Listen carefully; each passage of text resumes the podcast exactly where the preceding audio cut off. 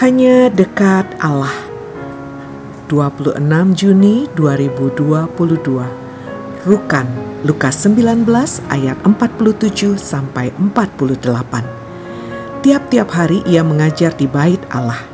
Imam-imam kepala dan ahli-ahli Taurat serta orang-orang terkemuka dari bangsa itu berusaha untuk membinasakan dia, tetapi mereka tidak tahu bagaimana harus melakukannya, sebab semua orang terpikat kepadanya dan ingin mendengarkan dia. Demikianlah catatan Lukas mengenai keseharian Yesus orang Nazaret pada hari-hari menjelang kematiannya. Sang guru tak lagi menjadi guru yang berkelana. Dia menetap dan tempatnya adalah di bait Allah. Tindakan Yesus sungguh menarik disimak. Bagaimanapun, tinggal di Yerusalem bukanlah tanpa risiko. Lukas mencatat bahwa imam-imam kepala ahli-ahli Taurat serta orang-orang terkemuka Israel berusaha membinasakan dia. Lalu mengapa sang guru dengan sengaja menetap di Yerusalem? Jelaslah tindakan Yesus orang Nazaret sungguh disengaja. Pertama, karena dia memang akan menuntaskan misinya mati dan bangkit di Yerusalem.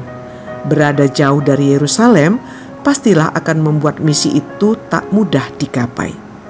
Kedua, Yesus agaknya sungguh menyadari bahwa Yerusalem adalah ibu kota Israel. Jika sesuatu peristiwa terjadi di Yerusalem, gemanya akan sampai ke seluruh negeri, bahkan ke negara tetangga. Dan keselamatan Allah memang perlu digemakan ke pelosok negeri. Ketiga, tampaknya Yesus hendak menyatakan diri sebagai pemilik bait Allah.